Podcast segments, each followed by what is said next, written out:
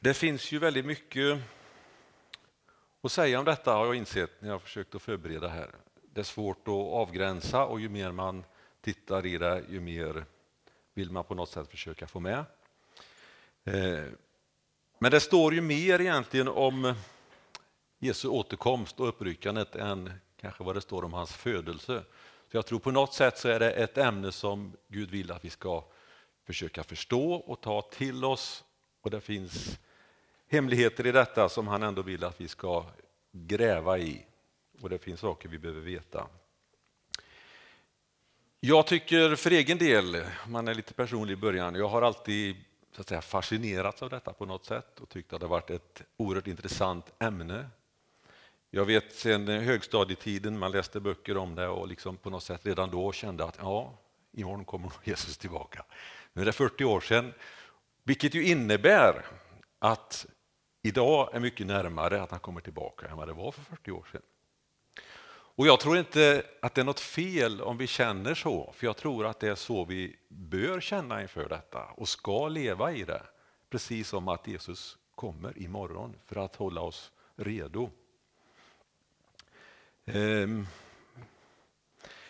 jag tycker det är ett frälsningsbudskap i detta som vi behöver tala om. Det är inte frälsningsgrundande att vi har helt rätt exakt i vilken ordning och hur detaljerna är. Men budskapet i sig väcker, åtminstone i mig, en längtan efter att få vara redo och få verkligen ha allting klart med Jesus. När vi var i Rumänien våren 2017 med ungdomarna så var vi i en gudstjänst där. Och bland de första som jag möter där så var det en kvinna som frågade mig bara rakt upp och ner, Do you believe in the rapture? Tror du på åter eller uppryckandet? Ja, det gör sa jag. Ja, det tyckte hon var bra. Det var gott. Och tittar man över eh, ja, globalt så att säga inom pingst så är ju de flesta stor, jag tror det är runt 90 procent eller någonting, som ändå tror på detta och tror att ett uppryckande av församlingen sker innan vedermödan. Ehm, jag är fullt medveten om att när man talar i detta så finns det olika tolkningar om i vilken ordning saker och ting ska ske. Ehm, det som är grunden är ändå att ett uppryckande kommer att ske. Det kan vi vara ganska överens om. så att säga. Men min personliga tro, och när jag försöker förstå detta utifrån ett bibliskt perspektiv, så är ett uppryckande av församlingen innan vedermödan, innan de sista sju åren när Antikrist trädde fram. Första delen av det, av de här tre och ett halvt åren då, kanske inte är riktigt så våldsamma som de sista tre och ett halvt åren, för då kommer det att vara en en dom över världen som aldrig har varit något liknande, står det väldigt tydligt om. Och det är min övertygelse och tro att då kommer församlingen inte att vara med i detta. kommer mer det där sen, de bibelställen som stödjer detta givetvis. Då. Eh, jag vill be att ni sitter öppna och ni får själva pröva. Och det bästa man kan göra det är att själv försöka förstå och läsa och bilda sig en uppfattning om vad säger Bibeln om detta. Jag tror att det finns en fara i om man menar att uppryckandet kommer att ske väldigt långt fram. Vi kommer att ha tid under vedermödan, vi kommer att förstå, vi kommer att se, vi har tid att göra oss redo under den tiden. Då tror jag man är ute på väldigt tunn is. Jag tror inte det kommer att vara lätt under den tiden i så fall att göra sig redo. Jag tror också att det finns hela tiden, även om vi får väldigt tydligt och klarlagt dagar och år och veckor som det anges här, så tror jag ändå det kommer att finnas en, ändå en viss ovisshet och en oklarhet när exakt saker och ting kommer att ske. Jag tror att även i det skeendet så är det Gud bara som vet exakt när det sker saker och ting.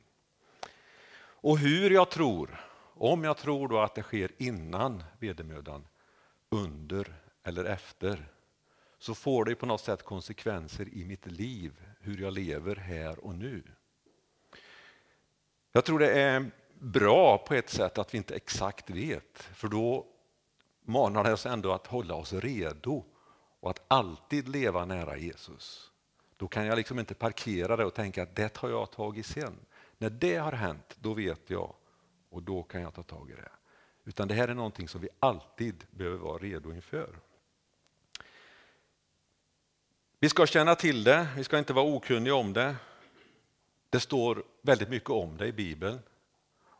Och Bibeln, jag tror att det som står där, det finns där av en anledning. Vi ska inte plocka bort vissa delar eller någonting, utan allting som står i Bibeln finns där för att vi ska ta det till oss. Och som sagt, vi som kristna och som tror på Jesus behöver alltid leva som att imorgon eller idag kommer Jesus och hämtar oss. Och därmed då inte sagt att vi ska sätta oss ner och ingenting göra, utan givetvis ska vi sköta våra jobb, vi ska planera för framtiden, vi ska leva som att vi skulle vara här längre, men vi ska alltid vara redo att vilken stund som helst så är vår tid här nere slut. Då går vi in i en evighet med Jesus. Och Jesus han är väldigt tydlig med när han säger att ingen vet detta exakt när det sker utom Fadern. Jag tror det var en av de bitarna som Jesus lämnade ifrån sig när han blev människa också till 100 procent. Då avsade han sig kanske den kunskapen för att verkligen vara som en av oss också på det sättet. Men när vi kanske minst anar det, som en tjuv om natten, och när vi säger att allt är lugnt, då kommer det att ske. Samtidigt så står det i första Thessalonikerbrevet 5 och 4 att men ni bröder, ni lever inte i mörkret så att den dagen kan överraska er som en tjuv. Alltså vi behöver inte bli överraskade, för vi som tror vet att det kommer att ske. Därför så behöver vi egentligen inte bli överraskade om vi tar det här på allvar och lever i det här. Min tro, och när jag läser detta, är att nästa stora händelse i Guds så att säga, agenda för världen, det är församlingens uppryckande. Det är nästa stora skeende. Så tolkar jag detta. Eh, man kan säga att det finns fyra tolkningar kring uppryckandet. Jag kommer inte att gå in på skillnader och exakt vad som skiljer dem åt. Jag kommer att lägga fram den tolkningen som jag håller för mest trolig i alla fall utifrån detta. Och det ena då det är att det sker innan vedermödan, innan de sista sju åren här nere. Före den 70 årsveckan som står beskrivet bland annat i Daniels bok. En annan tolkning är att det kommer att ske under vedermödan. Och då verkar man tro att det sker efter cirka tre och ett halvt år innan de sista riktigt svåra åren. Och Sen finns det något som menar att det sker efter vedermödan. Sen finns det även kanske ett väldigt minoritet som menar att det skulle ske efter tusenårsriket. Det man kan se, det kommer att bli väldigt många bibelställen att slå upp för er idag. Här. Vi kanske inte slår upp riktigt alla, men ni får gärna skriva ner och själva läsa sen efter eh, detta. Då. Vi kommer nog inte hinna med alla, inser jag. Men i Uppenbarelseboken 13, vi kan eh, slå upp det. Det jag håller på med nu det är inledningen, kan jag säga. Så det kommer betydligt mer bibelställen sen. Men i kapitel 13 och vers 7-8 så står det så här. Nu är frågan om jag ska vänta på alla eller om jag läser Men jag kör på lite grann så får ni ursäkta då om det blir lite, men det är härligt att höra prassel tycker jag. Eh, och vilddjuret fick rätt att strida mot det heliga och besegra dem och det fick makt över alla stammar och folk, språk och länder. Alla jordens invånare kommer att tillbe det, alla som inte från världens skapelse har sitt namn skrivna i Livets bok som tillhör Lammet som är slaktat. Det kommer alltså finnas troende människor på jorden under vedermödan. kan man se här. Även om man tittar i vers 10 och vers 15-17 då står det bland annat i vers 10 här visar sig det heligas uthållighet och tro. I vers 15 så står det och det fick makt att ge livsande åt vilddjurets bild så att vilddjurets bild till och med kunde tala och låta döda dem som inte tillbad vilddjurets bild. Alltså människor som ändå väljer att inte tillbe utan då tror på Eh, Gud.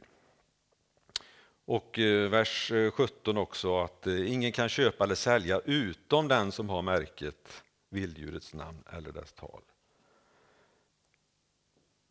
Om det finns troende kvar eller människor som i alla fall då inte följer vilddjuret så att säga, eller antikrist där, så kan man ju tänka att antingen så har uppryckandet inte skett rum innan, om det finns kvar. Man skulle kunna tänka att ja, en del av församlingen har fått följa med och en del av församlingen är kvar.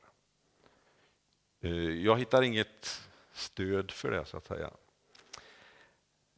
Man skulle också kunna tänka sig att dels då att det är människor som bland annat finns beskrivet i Matteus där det om tio jungfrur som väntar på brudgummen. Där fem fick följa med när brudgummen kom, fem blev kvar. Det finns alltså människor tror jag som är redo, som verkligen har en levande tro som får följa med. En del kommer att vara kvar. Jag eh, tror också att det kommer att vara en en väckelsetid och en tid under vedermödan när människor kommer att komma till tro.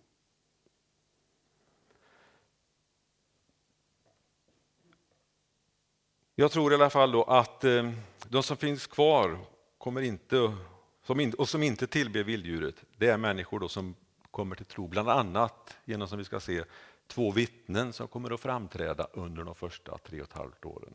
Profetera och vittna. Eh,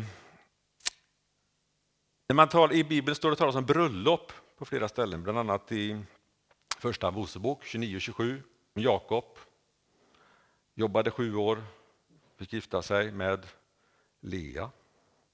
Inser ganska direkt efter bröllopet, men det var inte henne jag skulle gifta mig med. Men fick uppmaningen att fullfölj bröllopsveckan sju dagar så får du sen gifta dig med Rakel två bröllop ganska snabbt, men det var sju dagars period av bröllop. Det står om Simson i domarboken, sju festdagar när han gifter sig. Sju dagar verkar vara någonting som finns med när det handlar om bröllop i Gamla testamentet tid. Kanske inte är det starkaste teologiska underlaget så, men just sju dagar, vedermödan är sju år, det talas om Lammets bröllop med församlingen. Eh, I Uppenbarelseboken, i de första tre kapitlerna, så nämns församlingen. Det finns brev skrivet till församlingen. Ordet församling finns med. Kapitel 4 till 19 finns inte församlingen omnämnd på något sätt. så. Det handlar om det judiska folket och det handlar om hedningar. Eh, utifrån det, och det är ju då beskrivet under den tiden som vedermödan pågår, vilket också då skulle tala för att Församlingen är inte med här under vedermödan. Eh, på flera ställen givetvis så är det då en tolkningsfråga och hur man väljer att kanske tolka det. Men om man lägger fram detta nu då i en viss ordning så skulle jag vilja säga att först så kommer ett uppryckande av församlingen och vid det tillfället finns ingen dom att läsa om utan församlingen lyfts upp och möter Jesus på skyarna. Därefter så sker, börjar vedermödan, så att säga, som då är en sjuårsperiod. Och de första tre och ett halvt åren, när Antikrist träder fram och han påbörjar detta, så verkar det vara en tid av ganska bra, lugnt. På något sätt så skapas det en stabilitet och en eh, trygghet. Ehm, jag, jag tänker ju att kanske är det som så att det behöver verkligen träda fram någon i det läget och skapa ett lugn och försöka samla folket när hundratals miljoner människor i ett nu har försvunnit. Samtidigt finns det de som menar att det inte kommer att märkas så mycket på grund av att man inledd kanske i, i villfarelse, det finns så mycket annat. Men jag, jag, tror att det kommer att märkas när församlingen försvinner härifrån och det underlättar för Antikrist att träda fram Det kommer säkert att sägas mer om detta då i fortsättningen av Daniels bok och de här bitarna givetvis. Efter tre och ett halvt år så kommer det ytterligare en period av tre och ett halvt år då det verkligen blir tufft. Då Antikrist kommer själv sätta sig på tronen och säga att det är mig ni ska tillbe. Och då även Guds vredesdomar fullt ut kommer att märkas över jorden. Och då handlar det inte om någon allmän förföljelse på något sätt, utan det är det Guds vrede, precis som vi kan läsa, som han går till rätta med, med Antikrist och med de som har vänt honom ryggen och emot de kristna. Vi möter ju givetvis förföljelse idag som kristna och, och, det märks ju inte minst i nyhetsrapportering och så. Men det är ju, det är ju den, vad ska man säga, den allmänna förföljelsen som församlingen ändå inte är lovad att slippa, utan det tror jag det får vi räkna med som kristna, att det, kommer, det är en allmän förföljelse av kristna som står upp för Jesus idag. Men det som sker under den här perioden, det är ju Guds vrede emot det onda. Så att säga.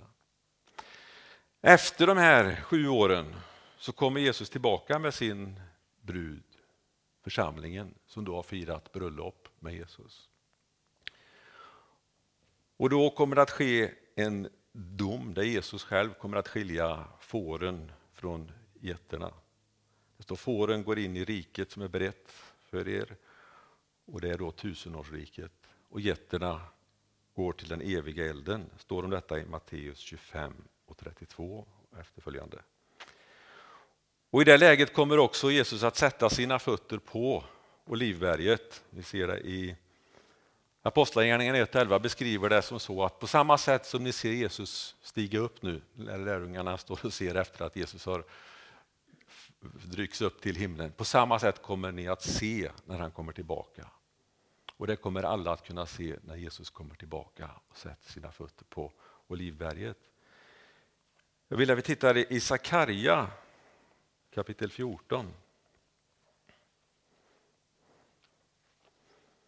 Sakarja 14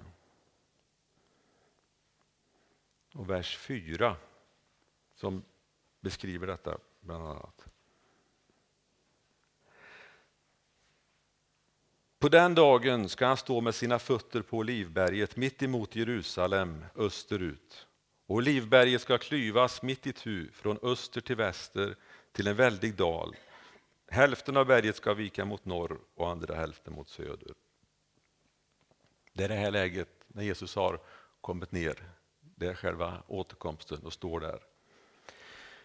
Därefter, eller vid den tiden, så sker även det slaget vid Harmageddon som vi kan läsa om. När alla nationer vänder sig mot Jesus. Djävulen binds därefter i tusen år och vi går in i ett tusenårsrike som startar då. Och det kan vi läsa om i Uppenbarelseboken kapitel 20. Vi går dit.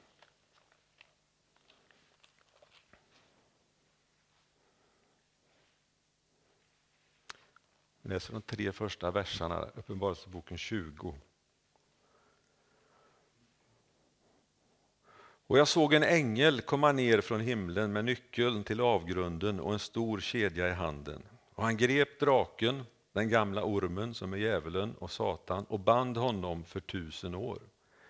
Sedan kastade ängeln honom i avgrunden och stängde och förseglade den över honom för att han inte mer skulle förleda folken förrän de tusen åren nått sitt slut. Därefter ska han släppas lös för en kort tid. Och efter de tusen åren, djävulen släpps lös en kort tid för att göra ett sista försök att bedra människorna så att säga. Och då är, sker även en slutlig dom av Gud som vi kan läsa om i samma kapitel, verserna 11 till 15. Och jag såg en vit tron och honom som satt på den. För hans ansikte flydde jord och himmel och det fanns ingen plats för dem. Och jag såg de döda, stora och små, stå inför tronen. Och böcker öppnades, och ännu en bok öppnades, Livets bok. Och de döda dömdes efter sina gärningar, efter det som stod i böckerna. Och havet gav igen de döda som fanns i det, och döden och helvetet gav igen de döda som fanns i dem. Och var och en dömdes efter sina gärningar. Och döden och helvetet kastades i eldsjön det vill säga eldsjön är den andra döden. Och om någon inte fanns skriven i Livets bok, då kastades han i eldsjön. Och vi kan läsa vers 1 här i, fortsätta i kapitel 21. Och jag såg en ny himmel och en ny jord. Den första himlen och den första jorden var borta och havet fanns inte mer. Efter den domen så går vi in i evigheten. Och hur var och exakt det ser ut, det ingår inte här. Och Det tror jag vi får se. Men jag är övertygad om att vi kan vara med och påskynda den här ankomsten när allt detta ska ske och när det här kommer att börja. Om vi tittar i andra Petrus brev. Andra Petrus brev kapitel 3.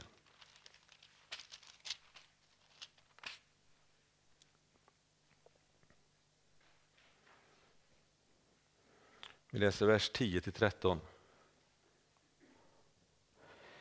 Men Herrens dag kommer som en tjuv och då ska himlarna försvinna med våldsamt dån och himlakropparna upplösas av hetta och jorden och dess verk inte mer finnas till.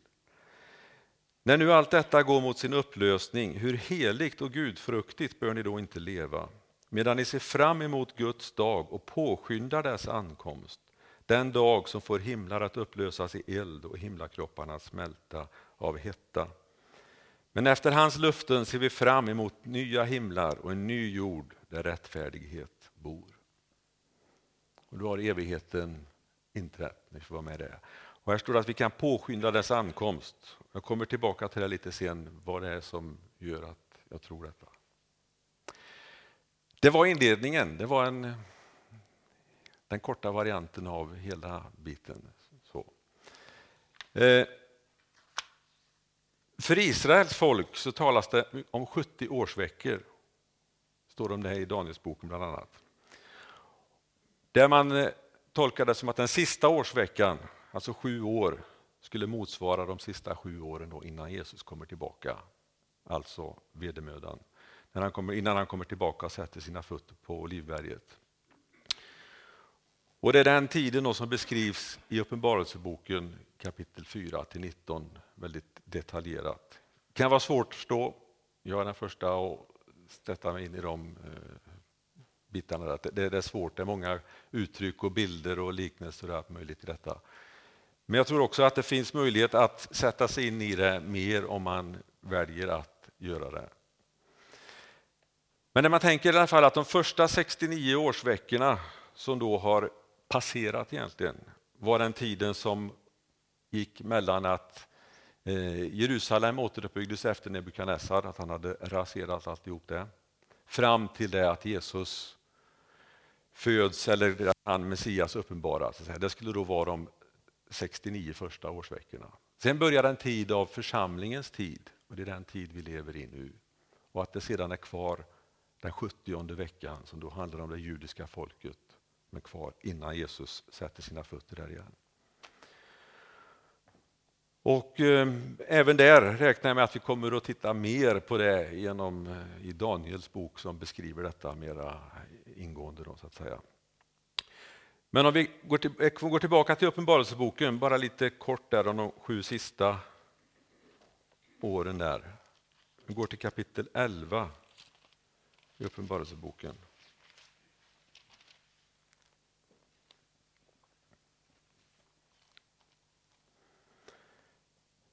Där kapitel 11 och vers 2 så står det så här. Men lämna templets yttergård och mät inte, för den är given åt hedningarna och de ska trampa den heliga staden under sina fötter i 42 månader. 42 månader, tre och ett halvt år, skulle alltså vara de sista eh, tre och ett halvt åren. Även i kapitel 13 och vers 5 står det om detta då. Och vilddjuret fick en mun som talade stora och hädiska ord och det fick rätt att fortsätta i 42 månader. Det skulle peka på de sista tre och ett halvt åren. I kapitel 11 och vers 3 så står det så här.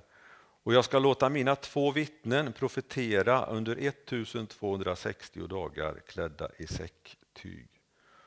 Och det skulle alltså vara de första tre och ett halvt år, när de två vittnena trädde fram. Och Det är också att tro att Många, eller jag, jag, tror att hela det judiska folket kommer att upptäcka och förstå vem Jesus var. Att det är Messias och komma till tro under den här tiden.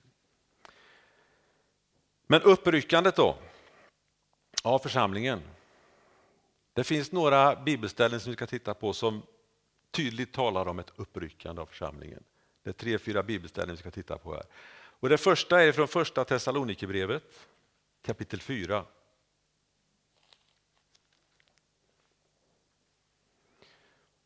Första Thessalonikerbrevet kapitel 4 och vi läser vers 13 till 18.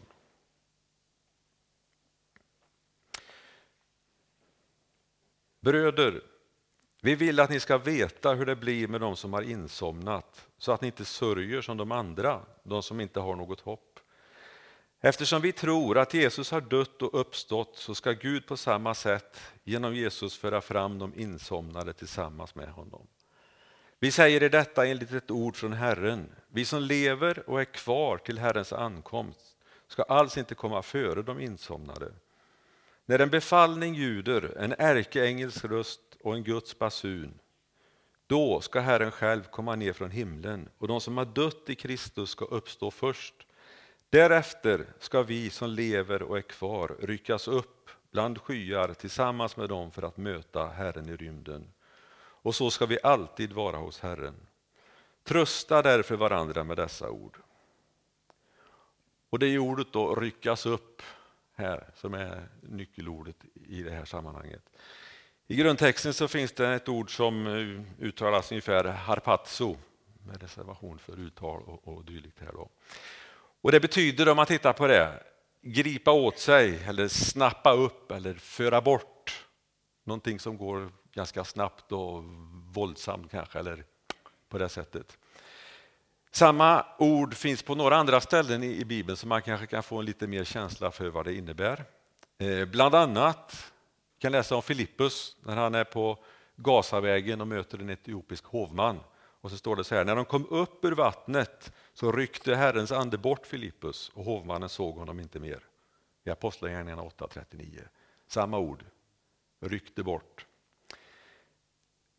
Går snabbt, odelbart ögonblick är ju vad man har hört och vad man kan förstå när man läser det här. Det finns ytterligare några exempel på det här ordet att rycka används. I Matteus 13 och 19 det talas om när just ordet, eller man predikar, att den onde kommer och rycker bort det som såddes för vissa människor. I Johannes 10 och 28 så talar Jesus om fåren som han har fått eller som blivit anförtrodd.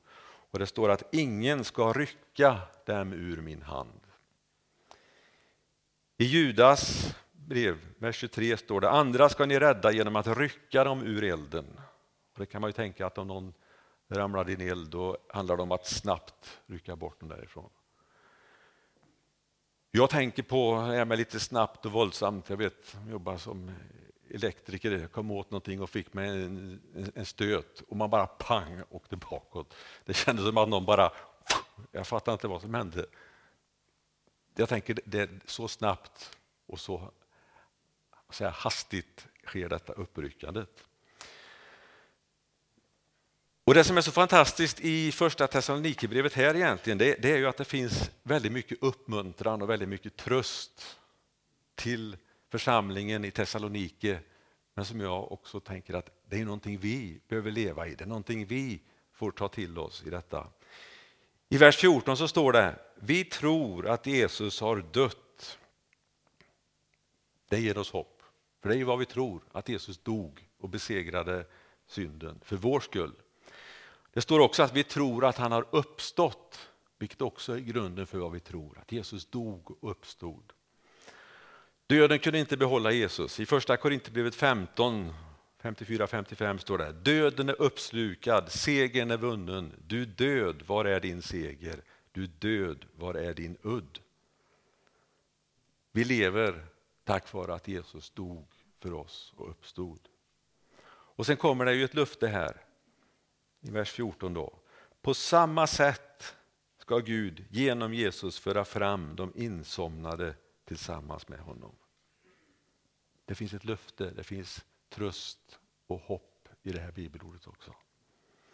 Alltså församlingen i Thessaloniki här, de sörjde, de var oroliga över att de som dog innan Jesus kom tillbaka inte skulle få följa med och vara med och ta del i det. Men vi behöver inte sörja, står det, de som har dött före oss. Vi vet att de, den jordiska kroppen är borta och är avsomnad, men vi kommer att mötas. Vi kommer inte att vara åtskilda för evighet, för det finns ett oerhört hopp i detta. Och de som har dött före oss kommer ju, om vi läser här, uppstå precis innan oss. Och tillsammans kommer vi att få mötas med Jesus på skyarna. I Andra Korinthierbrevet 4.14 står det att vi vet ju att han som uppväckte Herren Jesus också ska uppväcka oss med Jesus och låta oss träda fram tillsammans med er. Romarbrevet 8.11 och om anden från honom som uppväckte Jesus från de döda bor i er, då ska han som uppväckte Kristus från de döda också göra era dödliga kroppar levande genom sin ande som bor i er. Och Den anden får vi del av när vi tar emot Jesus som frälsare, när vi blir frälsta. Så får vi ta del av detta. Men det är kroppen som är avsomnad, om vi får tro Bibeln här. Själen går vidare. Vi kan titta i Filipperbrevet 1, 22-23.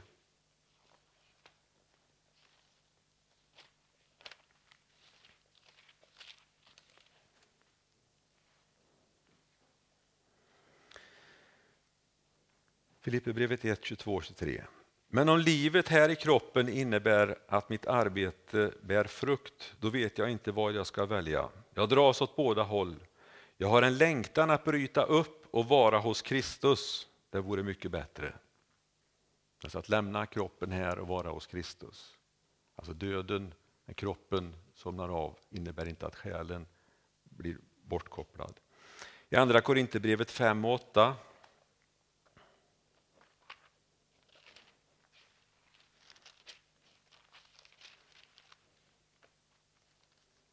Andra Korinthierbrevet 5 och 8. Men vi är ändå vid gott mod och skulle hellre flytta bort från kroppen och vara hemma hos Herren. Och så tänker jag också på rövaren på korset som hänger intill Jesus. När han säger till Jesus, tänk på mig Herre när du kommer till ditt rike. Ungefär så säger han. Och Jesus säger, redan idag ska du vara med mig i paradiset. Och det var ju uppenbarligen inte hans kropp som var med där. Men själen vandrar vidare. Och det här var ju en av anledningarna till att Paulus skrev till Thessaloniki, givetvis om att ingjuta hopp och tro när man brottades med de här frågorna. Och det vill jag också att vi ska ta till oss idag som tröst och glädje när vi möter kanske att den som har stått oss nära får gå hem. Det är inte slutet på något vis, utan det finns ett hopp i allt detta. Och sen står det ju här, om vi går tillbaka igen här nu till Thessalonikerbrevet. Då stod det så här. I vers 15. Paulus säger, vi säger er detta enligt ett ord från Herren.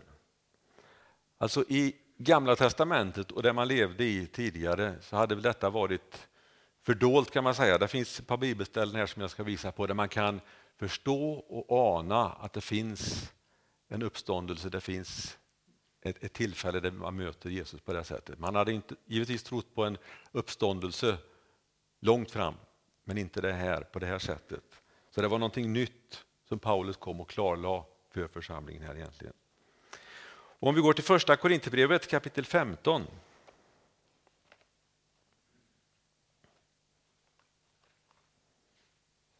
Första Korinthierbrevet kapitel 15.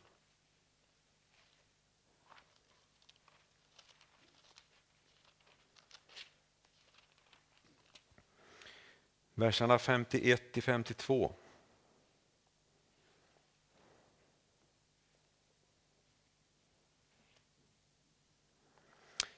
Se, jag säger er en hemlighet. Vi ska inte alla insomna, men vi ska alla förvandlas.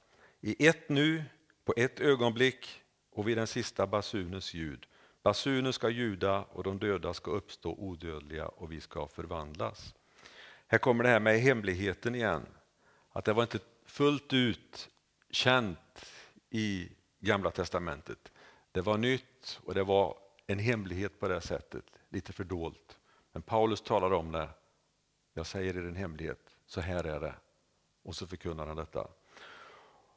Men man kan se det bland annat i första Mosebok där Henok omtalas om att han syns inte mera.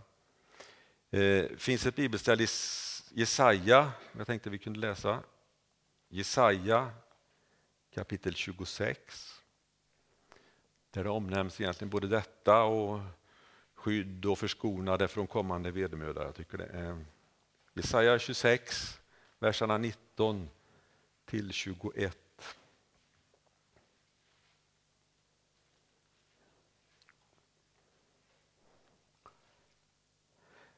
Dina döda ska bli levande och mina dödas kroppar ska uppstå. Vakna upp och jubla, ni som bor i stoftet, för din dag är ljusets dag och jorden ska ge igen de avsomnade.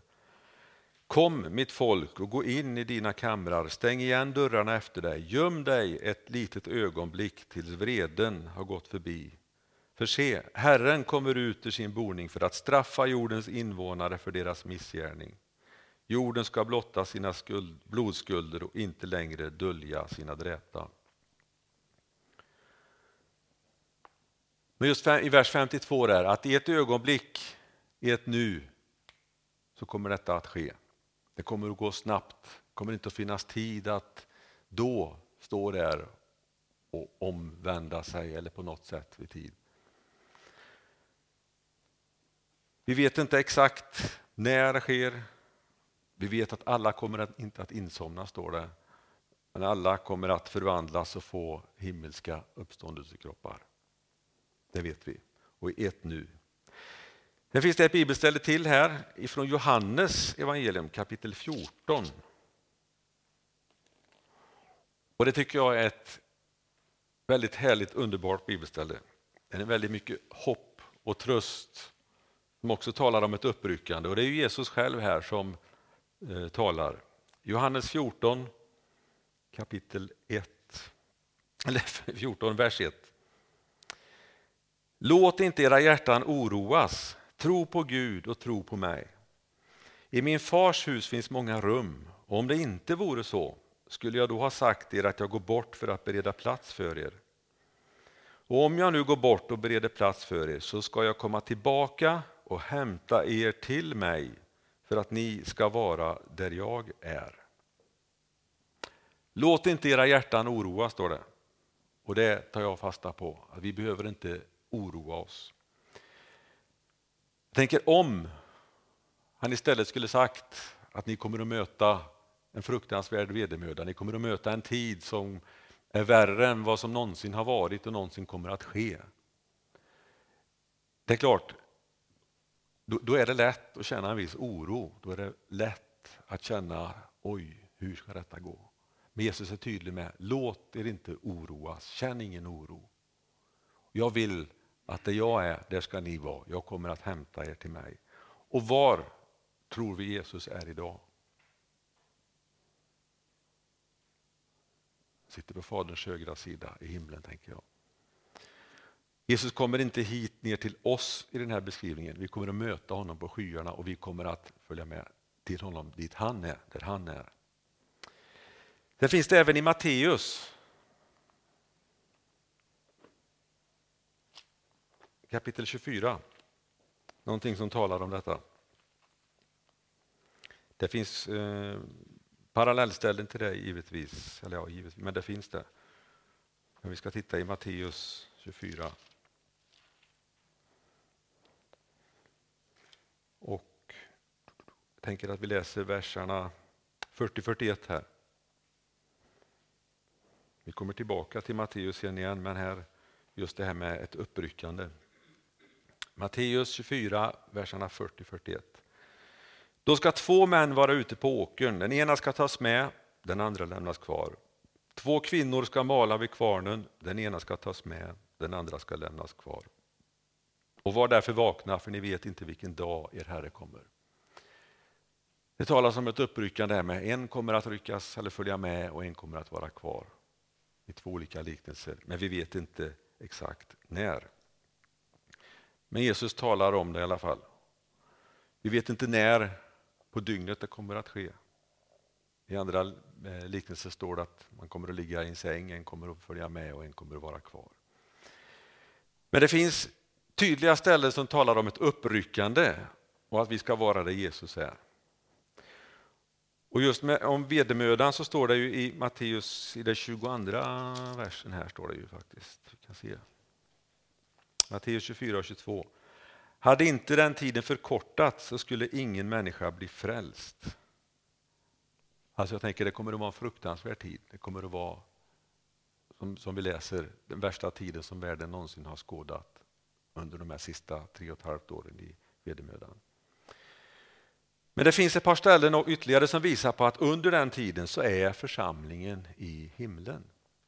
Och jag vill att vi går tillbaka till Uppenbarelseboken igen. Kapitel 13. Uppenbarelseboken 13 och vers 6. Så står det så här. Eh, och det är vilddjuret som avses. Det öppnade sin mun för att häda Gud, för att häda hans namn och hans boning, de som bor i himlen. Och hans boning, i Efesierbrevet 2.22 så står det, och i honom blir ni också sammanbyggda till en boning åt Gud genom anden. Hans boning och de som bor i himlen, församlingen som finns där. Och han kommer att tala hädiskt emot församlingen där. Men som sagt var, under vedermödan, människor kommer att bli frälsta. Det talas om de här två vittnena som kommer att förkunna och vittna bland annat under tiden av vedermödan här. Och jag tror det handlar till stor del om det judiska folket som kommer att få upp ögonen för det här. Deras ögon är beslöjade idag så att säga, men då kommer man att förstå vem det var man korsfäste att det var Jesus, att det var Messias, att Jesus var Messias. Och så kommer ju då den här frågan som vi alla vill veta. När sker detta uppryckande då? När sker det? Jag vet inte, men man vill gärna veta exakt, gärna datum och tid, klockslag, så man kan vara redo. Men vi kommer inte att få reda på det exakt. Det står ingen vet tiden och stunden. Ingen av oss kommer att kunna veta det. Och Jag tror det är väldigt viktigt att vi inte spekulerar i några exakta eh, år eller datum eller klockslag. Det är många som har gjort det och det har visat sig väldigt många gånger också att det har inte stämt. Jag tror inte det är det som är vår uppgift. Då hade det nog stått tydligt då här i, att då och då, då kommer jag, då ska ni vara redo. Vår uppgift är att vinna människor, det är att göra folk till lärjungar. Det är det absolut viktigaste vi kan vara upptagna med innan vi blir upptagna. Så är det. Men det finns ju ändå en vägledning i som kan ge oss lite information om när det kommer att ske. Bland annat då, när man tolkar in det här att det sker innan vedermödan. Men ett par frågor som jag brottas med i alla fall, då, om uppryckande skulle ske efter vedermödan, när det samtidigt står att Jesus ska komma ner och sätta sina fötter på Olivberget eller Oljeberget.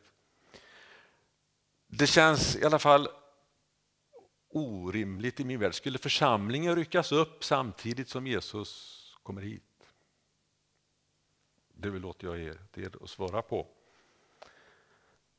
Eller rycks vi upp för att samtidigt snabbt följa med ner igen? Om uppryckandet skulle ske efter vedermödan, att de troende rycks bort, vilka finns då kvar att gå in i tusenårsriket när det står att för fåren så är det förberett och getterna så är det den eviga elden. Vilka finns då med in i tusenårsriket? Frågor som ni får ta med er, tänker jag. I första Johannes brev så står det att Antikrists ande finns redan nu i världen. Står det. I första Johannes brev 4 och 3. Och samtidigt så sägs det att innan Antikrist kan träda fram så måste han som hindrar Antikrist röjas ur vägen. Om vi går till andra Thessalonikerbrevet. Andra Thessalonikerbrevet 2.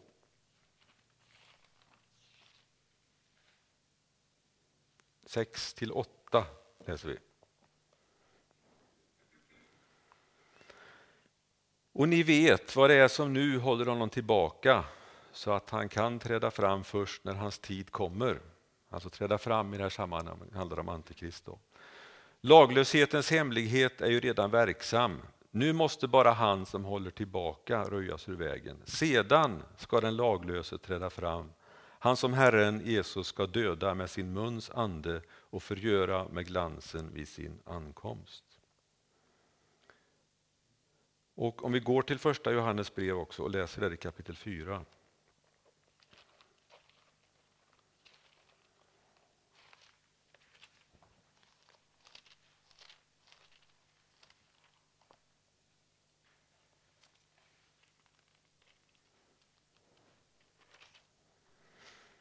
Mm, första Johannesbrev 4, vers 2-4. Så känner de igen Guds ande. Varje ande som bekänner att Jesus är i Kristus som kommit till köttet, den är från Gud. Och varje ande som inte bekänner Jesus, den är inte från Gud. Detta är Antikrists ande, som ni har hört skulle komma och som redan nu finns i världen. Men ni, kära barn, är från Gud och har besegrat dem, för han som är i er är större än den som är i världen. Församlingen, vi som troende, har den heliga Ande i oss. Och den heliga Ande är större än den ande och Antikrists ande som är i världen. Alltså för att Antikrist till fullo ska kunna träda fram och ta den platsen och positionen som vi läser om så måste församlingen först flytta på sig. Så den helige Ande får flytta på sig. Och det sker ju när ett uppryckande sker. När de som bekänner Jesus idag, troende har en helig ande, försvinner ifrån jorden. Då finns inte den kraften kvar som kan hålla tillbaka Antikrist att fullt träda fram. När ondskan till fullo kan så att säga breda ut sig. Och Det pekar ju på också då ett, ett uppryckande innan det att Antikrist kan träda fram. Och som vi sa förut, vilddjuret talade hädiskt till de som bor i himlen, står det. Och än en gång i Uppenbarelseboken kapitel 4-19 så nämns ingenting om församlingen. Israel finns med, hedningar finns med. Men det är ett nytt världsläge, en ny situation, någonting nytt som har börjat där. Det står i, som det var på, under Noas tid, och så kanske man kan tänka att så är det idag. Människor levde, man gifte sig när man var bortgifta, man drack och man levde som att man skulle för alltid vara här.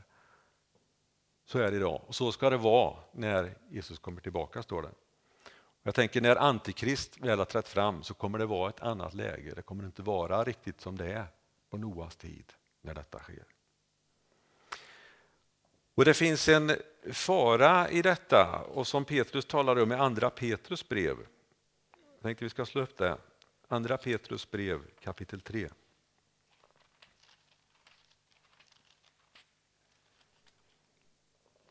Och vers 4. Det är ett längre sammanhang egentligen här, eller man fortsätter sen, men vi läser vers 4.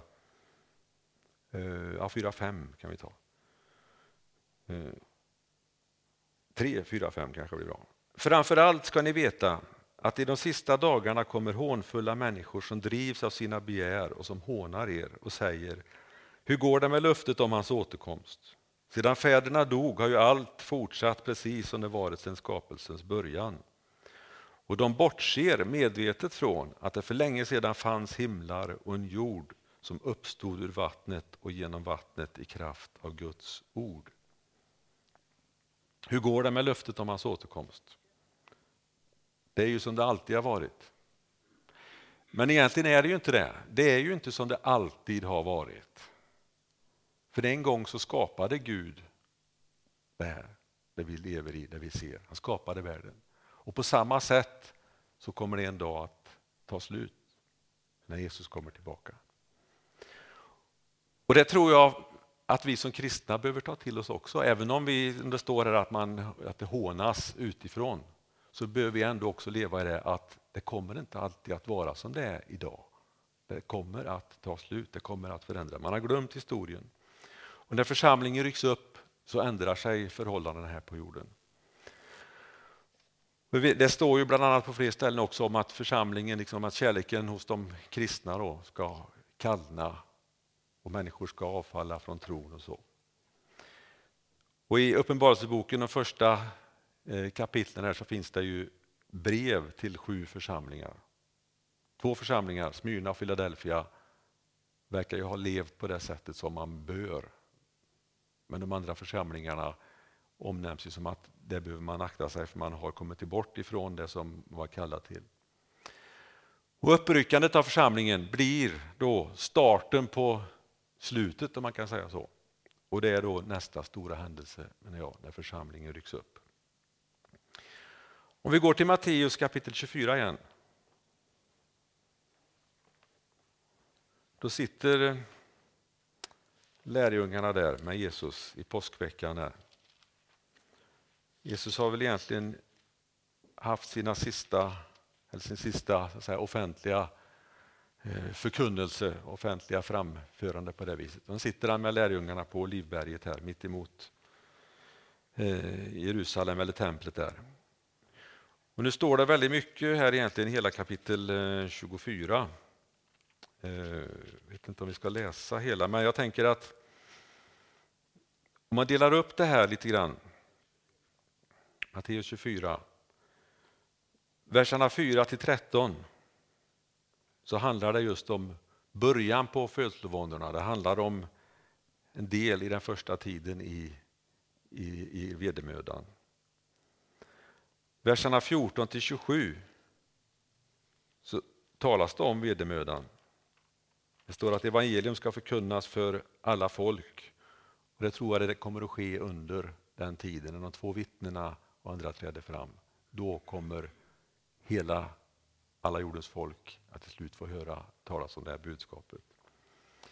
Eh, sen kommer man in ifrån vers 15 och då är det egentligen de sista tre och ett halvt åren. När ni ser förödelsens styggelse som profeten Daniel om stå på helig plats. När Antikrist avskaffar så att säga, det, det judiska tron med de offertraditionerna eh, som har införts igen. När han avskaffar det och själv sätter sig och kräver att få bli tillbedd de sista eh, tre och ett halvt åren. Där. Och I vers 21 står det om en då ska det bli en så stor nöd att något liknande aldrig förekommit från världens begynnelse och ända fram till nu och inte heller ska komma. Så det är absolut någonting som handlar om en kommande tid. Det är ingenting som har skett eller skedde på tiden när, när Jesus var där, eller lärjungarna. Vi vet än att Jerusalem och templet förstördes igen där. Men det handlar inte om det, för här står det att en tid en stor nöd att något liknande aldrig förekommit från världens begynnelse och ända fram till nu och inte heller ska komma. Det handlar om en framtida händelse de sista tre och ett halvt åren. här. Vers 29-31. Strax efter de dagarnas nöd ska solen förmörkas och månen inte längre ge sitt sken. Stjärnorna ska falla från himlen och himlens makter ska skakas. Och då ska Människosonens tecken synas på himlen och jordens alla folk ska jämra sig när de ser Människosonen komma på himlens moln med stor makt och härlighet. Med stark basunljud ska han sända ut sina änglar och de ska samla hans utvalda från de fyra väderstrecken från himlens ände till den andra. När Jesus kommer tillbaka och strax efter de dagarnas nöd. Det innebär ju efter de sju åren. Frågan är om det kommer att ske exakt efter sju år eller om det finns ytterligare ett litet glapp där med tanke på att ingen vet stunden exakt. Jag tror det gäller även detta att även om man då tänker sig att nu kan jag möjligtvis räkna ut så tror jag det finns ändå en, en hemlighet kring detta. När exakt sker detta? Om vi går till 32 här sen och läser till 36. Lär av en jämförelse med fikonträdet. Redan när kvisten blir mjuk och bladet spricker ut så vet ni att sommaren är nära. På samma sätt vet ni att när ni ser allt detta att han är nära och står för dörren. Jag säger er sanningen, det här släktet ska inte förgå förrän allt detta sker. Eh, himmel och jord ska förgå, men mina ord ska aldrig förgå. Men den dagen eller stunden, den känner ingen, inte himlens änglar, inte ens sonen, ingen utom Fadern. Det talas om fikonträdet när man ser att det börjar knoppas, bladen slår ut. Då närmar sig sommaren. Och den generation, eller det släkte som ser allt detta, när man ser hur allt detta börjar ske, börjar närma sig vedermödan. Det står här med falska profeter och krig och krigslarm och allt detta. När det börjar ske, det släkte som ser detta ska inte dö ut, står det här. Och jag vet att det finns vissa tolkningar som pratar om fikonträdet som Israel när staten Israel bildades och den generationen som såg det inte skulle dö ut och så. Men tittar man i Lukas, Eh, Markus eller Lukas, kommer jag inte ihåg vilket det är, så står det även om och de andra träden. Alltså när vi, vi vet att när träden slår ut på våren, då är sommaren snart här.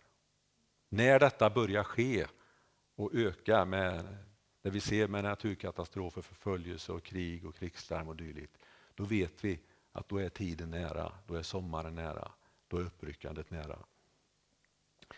Frågan är ju då när skulle man då börja räkna detta? När är vi nära? Och det vet vi inte exakt.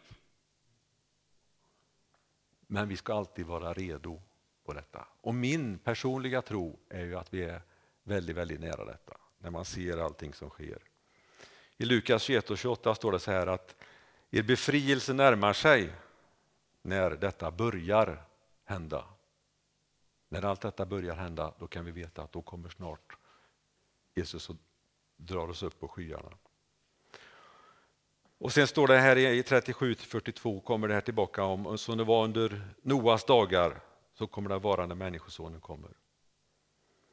Under dagarna före floden de åt, de drack, de gifte sig, blev bortgifta, ända till den dag då Noa gick in i arken. Och de visste ingenting förrän floden kom och ryckte bort dem alla. Och så ska det vara, bli när Människosonen kommer. Då ska två män vara ute på åkern, den ena tas med och den andra lämnas kvar. Två kvinnor ska mala vid kvarnen, den ena ska tas med och den andra lämnas kvar.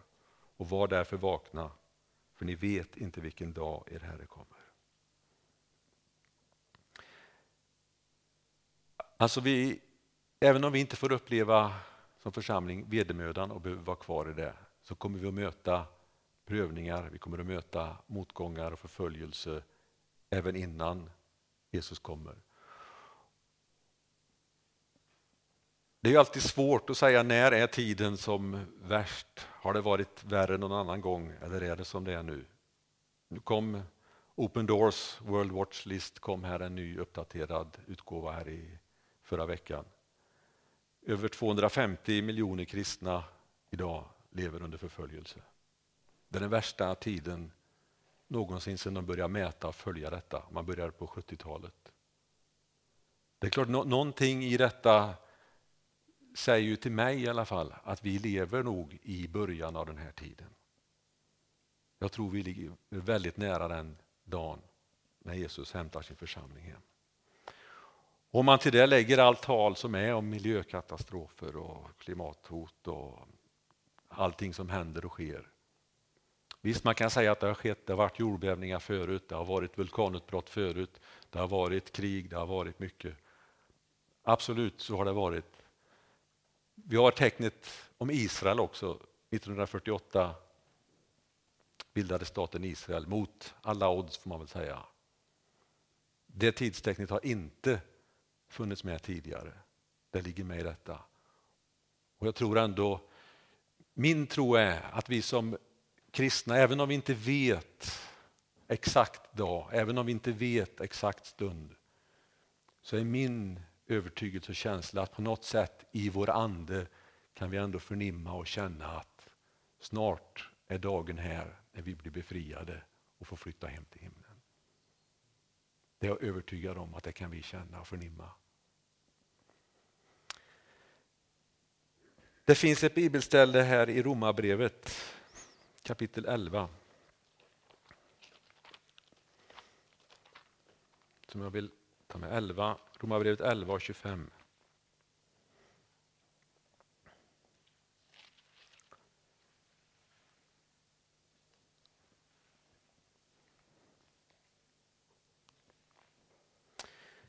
Bröder, där får vi ta till oss både bröder och systrar.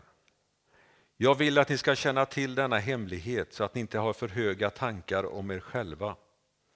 Förhärdelse har drabbat en del av Israel och så ska det vara eller förbli till dess att hedningarna i fullt antal har kommit in. Tills hedningarna i fullt antal har kommit in. De har drabbats av en förhärdelse. Och det menar jag under de här sista sju åren när de två vittnena bland annat ska gå fram kommer den här förhärdelsen och den slöjan som det judiska folket ändå beskrivs ha för sina ögon, då kommer den att tas bort. Och det kommer att påbörjas den dagen att hedningarna i fullt antal har kommit in. När de som ska bli frälsta är frälsta, när det måttet är fyllt, då kommer församlingen att ryckas upp. Vi vet inte exakt när det sker, än en gång, men vi kan vara med och påverka detta. Vi kan vittna, vi kan göra vad vi kan för att vinna människor och göra människor till lärjungar som det står. Och på så vis är min tro att vi kan påskynda eller påverka när Jesus hämtar sin församling hem.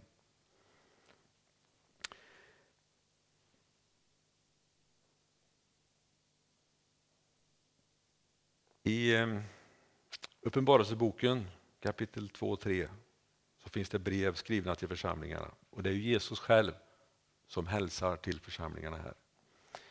I brevet till Philadelphia kapitel 3 Uppenbarelseboken 3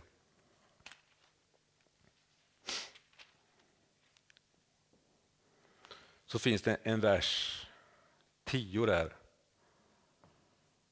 Som jag tycker är så stark och så viktig för oss. Det står så här. Eftersom du har bevarat mitt ord om uthållighet ska jag bevara och rädda dig ur prövningens stund som ska komma över hela världen för att pröva jordens invånare. Det är så oerhört viktigt att vi som kristna att vi är uthålliga, att vi lever efter bibelordet och inte kanar iväg åt något håll. Utan vi ska inte öppna upp för några så säga, liberalteologiska tolkningar och släppa in det som världen många gånger vill trycka på oss. Utan vi ska vara uthålliga och vi ska hålla fast vid detta för att räddas ur prövningens stund som ska komma över hela världen och pröva jordens invånare. Men vi har ett hopp att bli räddade undan den här prövningens stund. Och som det står avslutat på alla de här breven, du som har öron, hör vad anden säger till församlingen. Vi får be om andliga ögon och öron som är öppna och höra vad han säger. Ett viktigt ord i allt detta, eh, oavsett hur det kommer att ske, i exakt vilken ordning, exakt när Jesus kommer så kan vi vara förvissade om att Jesus kommer. Jesus kommer att hämta sin församling. Och jag tror att den dagen ligger väldigt, väldigt nära i tiden. Jag tror att vi varje kväll, varje morgon behöver reflektera över att idag kanske hämtar du oss. Jag är väldigt tacksam över att jag får leva i den tid jag lever. Men jag tror ändå att min övertygelse personligt är också då givetvis att jag kommer inte att dö av åldersskäl, tror inte jag, utan jag tror att Jesus kommer innan den tiden. Om jag får räkna med 70, 80, 90 år som en normal livslängd i alla fall. Då, så att säga. Men det är min personliga tro. Men att få leva i den här tiden och se de här sista pusselbitarna, att få ha upplevt Israel, staten Israel bildades och se det som sker.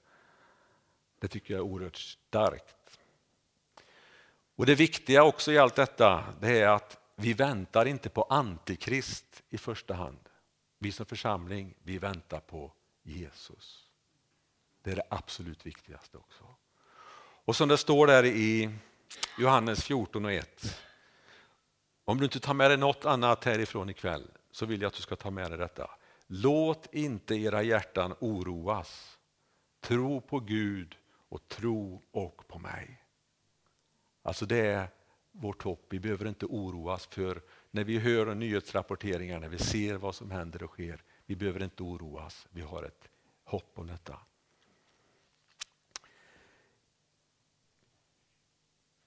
Alltså det här handlar ju om, när vi tolkar profetier, när vi tittar framåt så handlar det om saker som inte har skett. Vi gör vårt bästa för att tyda det.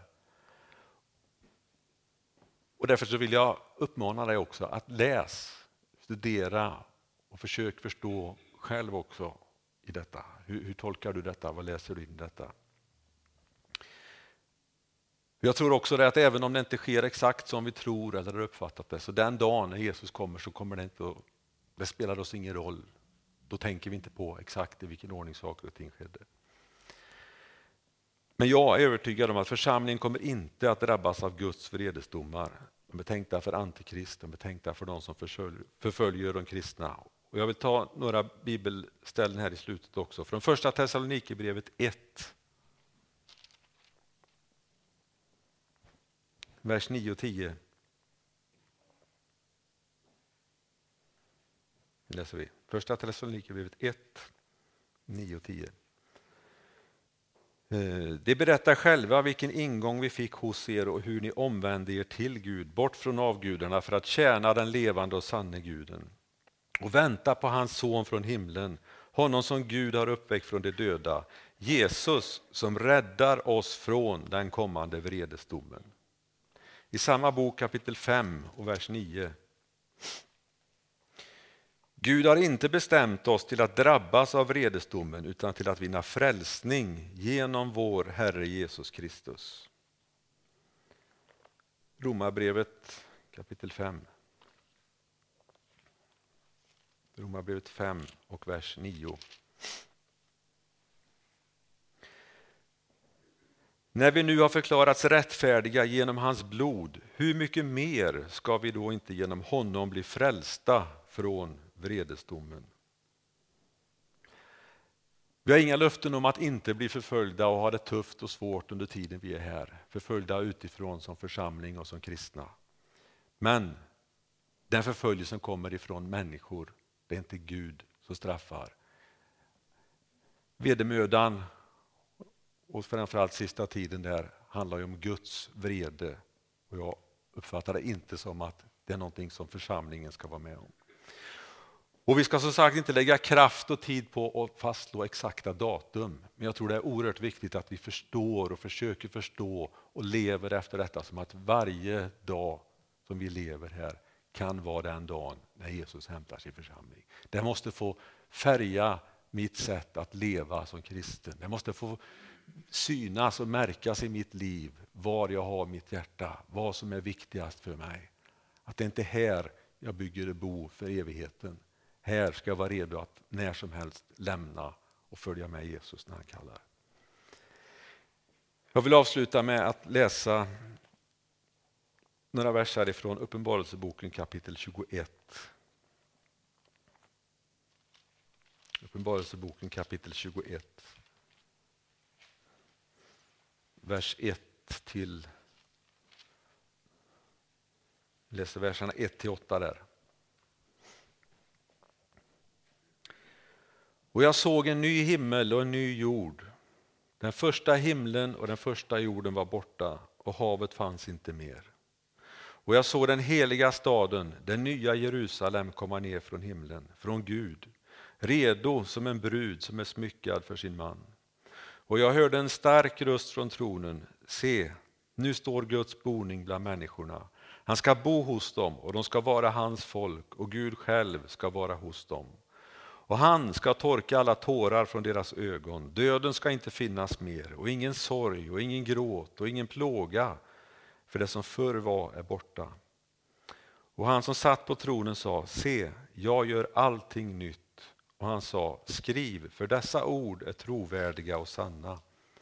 Och sedan sa han till mig, det har skett. Jag är A och O, begynnelsen och änden. Åt den som törstar ska jag fritt ge ur källan med livets vatten. Och den som segrar ska få detta i arv, och jag ska vara hans Gud och han ska vara min son. Men de fega, de otroende och de skändliga, mördarna och de sexuellt omoraliska, okultisterna, avgudadyrkarna och alla lögnare, de ska få sin del i sjön som brinner av eld och svavel. Och detta är den andra döden. Herre, jag tackar dig. Jag tackar dig Herre för ett hopp i dig. Jag tackar dig Herre för att vi varje dag får vänta på att du kommer och hämtar oss hem Herre. Jag tackar dig för en evighet tillsammans med dig Herre. Jag tackar dig Herre för eh, gator av guld och hur det kommer att vara Herre. Jag vet bara att det kommer att vara något fantastiskt Herre att få vara tillsammans med dig.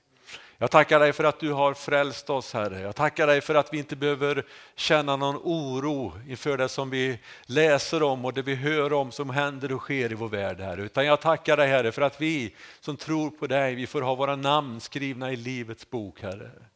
Vi får tillhöra dem Herre som du en dag säger, välkommen till mig, välkommen in i mitt rike. Jag tackar dig Herre för att det får bära oss Herre under dagar då vi känner oss tyngda Herre. Jag tackar dig för att vi får fästa blicken på dig Herre. Jag tackar dig för att du vill lägga nöd på våra hjärtan Herre. När vi förstår Herre att det som väntar Herre, det kan vara någonting helt underbart fantastiskt Herre. Men det finns också någonting Herre som är dess motsatt Herre. Och jag ber Fader, hjälp oss Herre att vinna människor för dig Herre. Hjälp oss att leva på ett sådant sätt Herre så vi för människor till dig Herre. Och fullföljer vårt uppdrag Herre att göra människor till lärjungar Herre. Låt det få vara det viktigaste i våra liv Jesus. Jag tackar dig för det Herre. Tack Herre för att du vill leda oss Herre och jag tackar dig för att vi ska få möta dig en dag Herre. Jesus, jag prisar ditt namn Herre. Amen. Amen.